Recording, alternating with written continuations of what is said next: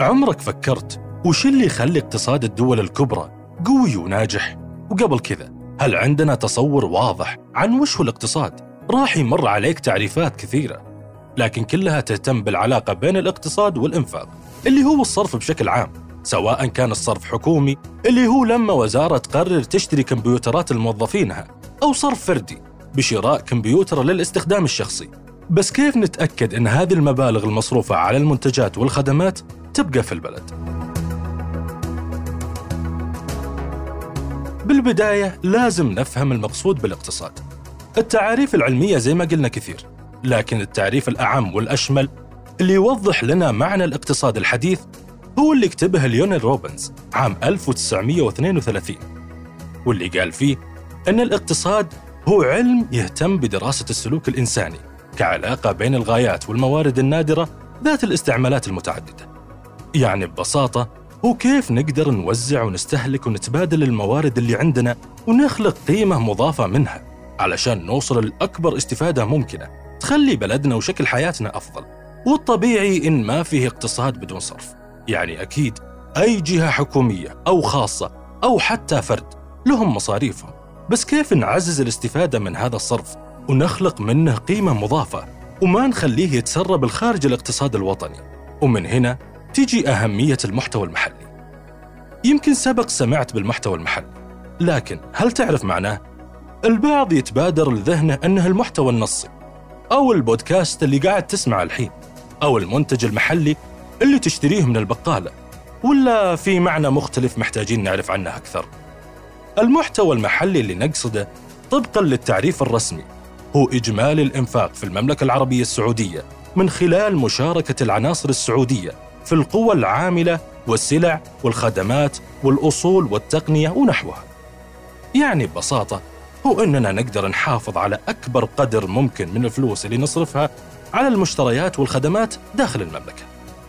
أفضل شخص ممكن يفيدنا بالإجابة على المفاهيم المتعلقة بالمحتوى المحلي سعادة الأستاذ عبد الرحمن بن عبد الله السماري الرئيس التنفيذي لهيئة المحتوى المحلي والمشتريات الحكومية. خلونا نسمع منه.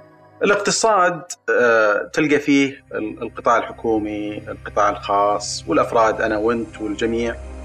آه، فيه آه، يعني يعني اكشنز أو أنشطة إحنا نسويها. نشتري شيء نبيع شيء ننتج حاجة نستورد خدمة أشياء كثيرة نسويها كأنشطة اقتصادية. فالأنشطة الاقتصادية هذه اللي إحنا نسويها أنا وأنت والشركة والوزارات والهيئات هذه اللي تخلق حركة في الاقتصاد. المحتوى المحلي يهتم يشوف هذه الحركة اللي تصير في الاقتصاد يحاول يوجهها بشكل أكبر إلى العناصر المحلية العناصر السعودية كل ما صار توجيهها بشكل أكبر لهذه العناصر وزاد المحتوى المحلي زادت الفائده الاقتصادية للبلد زاد معدل النمو زادت آه، فرص الوظائف زادت الفرص الاستثمارية آه، للقطاع الخاص وللمستثمرين بشكل بشكل أكبر. طيب وش هي عناصر المحتوى المحلي؟ العالم كله باختلاف ثقافاته وأشكال اقتصاده يطبق المحتوى المحلي بطرق مختلفة، لكن في المملكة المحتوى المحلي له أربع عناصر سعوديه. العنصر الأول هو الأصول، والثاني هو القوى العاملة، والثالث هو السلع والخدمات أما الرابع فهو التقنية واللي هي القيمة المصروفة على الأبحاث والتطوير وتدريب موظفين الشركات طيب كيف نميز المحتوى المحلي عن الأجنبي؟ تعال نتخيل إنك قررت تبني بيت العمر. أول شيء بتسويه بتدور لك أرض عشان تبني البيت واللي هي تمثل عنصر الأصول. وبعدها بتختار مصممين ومهندسين سعوديين يخططون لك بناء البيت وتصميمه. وهذا اللي يمثل عنصر القوى العاملة.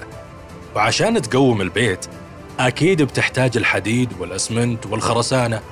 وهذا يمثل عنصر السلع والخدمات المحلية. وعشان نفرق بين المحتوى المحلي والأجنبي هو ببساطة استخدامك العناصر غير محلية من مواد مستوردة من برا أو حتى عمال غير سعوديين يبنوا لك بيت العمر. فكل ما زادت مكونات وعناصر المحتوى المحلي في المنتج النهائي مثل بيت العمر يزيد معها اقتصادنا المحلي. وطبعا دعم المحتوى المحلي ومكوناته عمل مشترك الكل يساهم فيه. فلو تكلمنا عن القطاع الخاص لشركتين تنتج وتبيع موية. الأولى تستورد الموية وتعلبها وتشغل المصنع على أيادي غير سعودية بالكامل وتبيعه لك مباشرة هنا. أما الثانية تبدأ من الصفر على أرض سعودية من استخراج الموية وتصفيتها وتعليبها في مصانع محلية وبأيدي سعودية. هنا نقول إن الشركة الثانية هي اللي ساهمت بشكل أكبر في تنمية المحتوى المحلي واللي راح ينعكس على مؤشرات اقتصادية مهمة منها زيادة إجمالي الناتج المحلي في الاقتصاد وتطوير صناعات وقطاعات جديدة في المملكة واللي بتساهم في زيادة فرص العمل لشبابنا السعودي. وكل هذا يساعد في قوة الدولة وثباتها الاقتصادي بين دول العالم. لكن من بين كل المفاهيم هذه كيف يأثر المحتوى المحلي على حياة المواطن؟ على المدى البعيد أول شيء ممكن يلاحظه المواطن إنه راح يكون في فرص عمل كثيرة ومختلفة وراح نعتمد على مواردنا المحلية بكل ما تعنيه الكلمة من تنوع في الخيارات وإمكانية نقل المعرفة عشان نقضي على فكرة الاحتكار. والسوق راح يكون مفتوح للتنافس.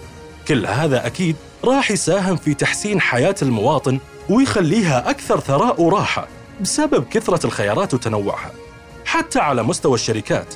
راح يساهم المحتوى المحلي بتوفير الموارد المحلية وسهولة الوصول لها وتوطين سلاسل الإمداد للمنتج النهائي بالإضافة إلى رفع مساهمة المنشآت الصغيرة والمتوسطة بالناتج المحلي الإجمالي وفقا لرؤية المملكة عن طريق تفضيلها الأعمال والمشتريات الحكومية عن المنشآت الأجنبية.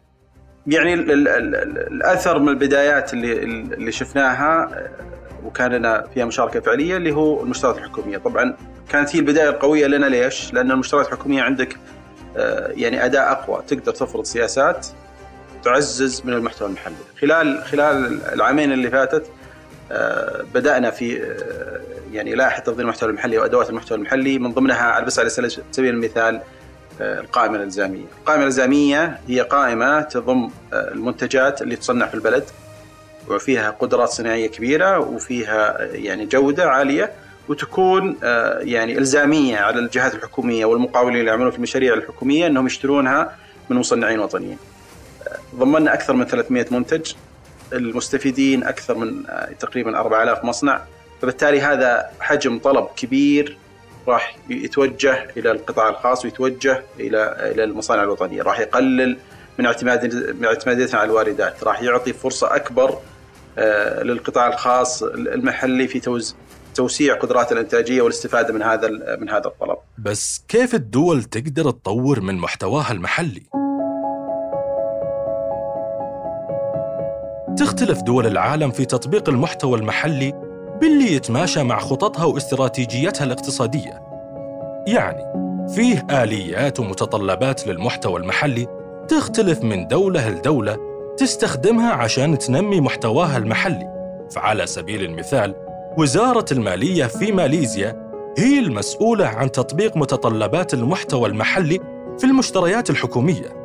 ومن ضمن هذه المتطلبات هو أن تكون المنافسة الحكومية عبارة عن مشاريع مشتركة بين المقاولين المحليين والأجانب عشان يضمنون نقل التقنية والمعرفة التصنيعية. أيضا تلجأ الدول للعديد من الأفكار لتطوير المحتوى المحلي. فمثلا اهتمت الولايات المتحدة الأمريكية بزيادة الاستثمارات في البحث والتطوير. لكن الصين واليابان سوت لجان خاصة تهتم بجودة المحتوى المحلي وتطويره من خلال اعتمادها على معايير جودة موحدة خلت الدول هذه قوة اقتصادية مصدرة للعالم كله من شرقه الغرب. وإذا جينا لبلدنا وش هو الأسلوب اللي اعتمدته السعودية لتطوير محتواها المحلي حنا اليوم بالسعودية عندنا مبادرات وتشريعات وآليات تساهم في تنمية المحتوى المحلي تتم من خلال كيان حكومي جديد. وفي تاريخ 27 ديسمبر 2018 صدر أمر ملكي بإنشاء هذا الكيان هو هيئة المحتوى المحلي والمشتريات الحكومية. هدفها الرئيسي هو تنمية المحتوى المحلي بكل مكوناته على مستوى الاقتصاد الوطني. طبعا الهيئة آه، يعني تعمل على عدد من الأدوار. الدور آه، في وضع بعض التشريعات من ضمنها لائحة تفضيل المحتوى المحلي والمنشآت الصغيرة والمتوسطة والشركات المدرجة والسوق المالية. اللائحة هذه تحوكم عملية الشراء الحكومي بما يضمن وجود عنصر المحتوى المحلي ضمن عملية الشراء. الهيئة أيضا تعمل بالشراكة مع القطاع الخاص تحفيز القطاع الخاص نحو تبني مفهوم المحتوى المحلي وضع البرامج المحفزة للمحتوى المحلي في في الشركات الوطنية فبالتالي يكون أثره أكبر على سلاسل الإمداد آه، في الاقتصاد الوطني. الهيئة أيضا تعمل على متابعة المحتوى المحلي متابعة تطبيقه سواء في المنشورات الحكومية أو متابعة أداء المحتوى المحلي على مستوى الاقتصاد آه، الكلي بشكل بشكل عام. على مستوى الأرقام. فهيئة المحتوى المحلي والمشتريات الحكومية هي الهيئة المختصة اللي تقيس نسبة المحتوى المحلي على مستوى الاقتصاد الوطني. وفي الإحصائيات الرسمية وصلت هذه النسبة في عام 2018 حوالي 51% من إجمالي الإنفاق النهائي في القطاع غير النفطي وتعمل رؤية المملكة على كثير من المبادرات والمستهدفات اللي راح تساعد في رفع مستوى المحتوى المحلي بشكل طموح. وبالإضافة لهذا كله حققت الهيئة مكاسب سريعة في المحتوى المحلي تتجاوز 36 مليار ريال في مجموعة من المشاريع من إنشائها إلى نهاية 2021 طيب كيف راح يصير هالشيء؟ ببساطة وطبقا لرؤية 2030 فالهيئة تعمل على تنمية المحتوى المحلي من خلال تضمينه عناصره ومتطلباته في الأنظمة والسياسات على مستوى أعمال ومشتريات الجهات الحكومية وبرامج تحقيق الرؤية على سبيل المثال أدرجت الهيئة متطلبات المحتوى المحلي في نظام المنافسات والمشتريات الحكومية الجديد واللي من خلاله يتم تطبيق جميع آليات ومتطلبات المحتوى المحلي في مشتريات الجهة الحكومية المتعاقدة مع شركات القطاع الخاص. وعلى مستوى القطاع الخاص تعمل الهيئة على بناء شراكات استراتيجية مع الشركات الكبيرة بهدف تطبيق متطلبات المحتوى المحلي في مشتريات الشركة. وطبعا هذه الشركات الكبيرة مثل أرامكو سابك و STC وغيرهم راح تطبق متطلبات المحتوى المحلي على الموردين اللي يتعاملون معهم من حجم متوسط وصغير وهذه الشراكات الاستراتيجية ساهمت في تطوير برامج للمحتوى المحلي هدفها زيادة عناصر المحتوى المحلي في مشتريات الشركات من قوى عاملة وسلع وخدمات وأصول وتقنيات سعودية. ومن أبرز هذه البرامج هو اكتفاء من أرامكو السعودية وبرنامج نساند من سابق وبرنامج روافد من STC والقائمة تطول. على الجانب الآخر الهيئة مهتمة أن المجتمع يكون شريك في تنمية محتوانا المحلي. فسوت حملة توعوية تحت اسم منا وفينا علشان توضح مفهوم المحتوى المحلي وعناصره ويكون المواطن عضو فعال في نجاح عملها وتكون المفاهيم المتعلقة بالمحتوى المحلي واضحة في باله وبالتالي نحقق هدف المملكة الأكبر بأنها تتحول إلى اقتصاد كبير ومتنوع المصادر بجانب النفط.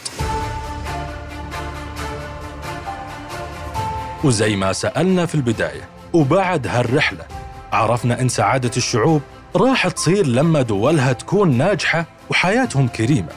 ومن المسلمات إن هالحياة الكريمة محتاجة اقتصاد قوي. وواحد من أهم أعمدته اللي لازم تكون ناجحة أيضا هو المحتوى المحلي. نتمنى نكون أضفنا لكم معلومة جديدة في هالحلقة. وممكن تشاركون الحلقة مع أحبابكم من أي منصة تسمعونا أو تشوفونا منها. ولنا لقاء آخر بإذن الله.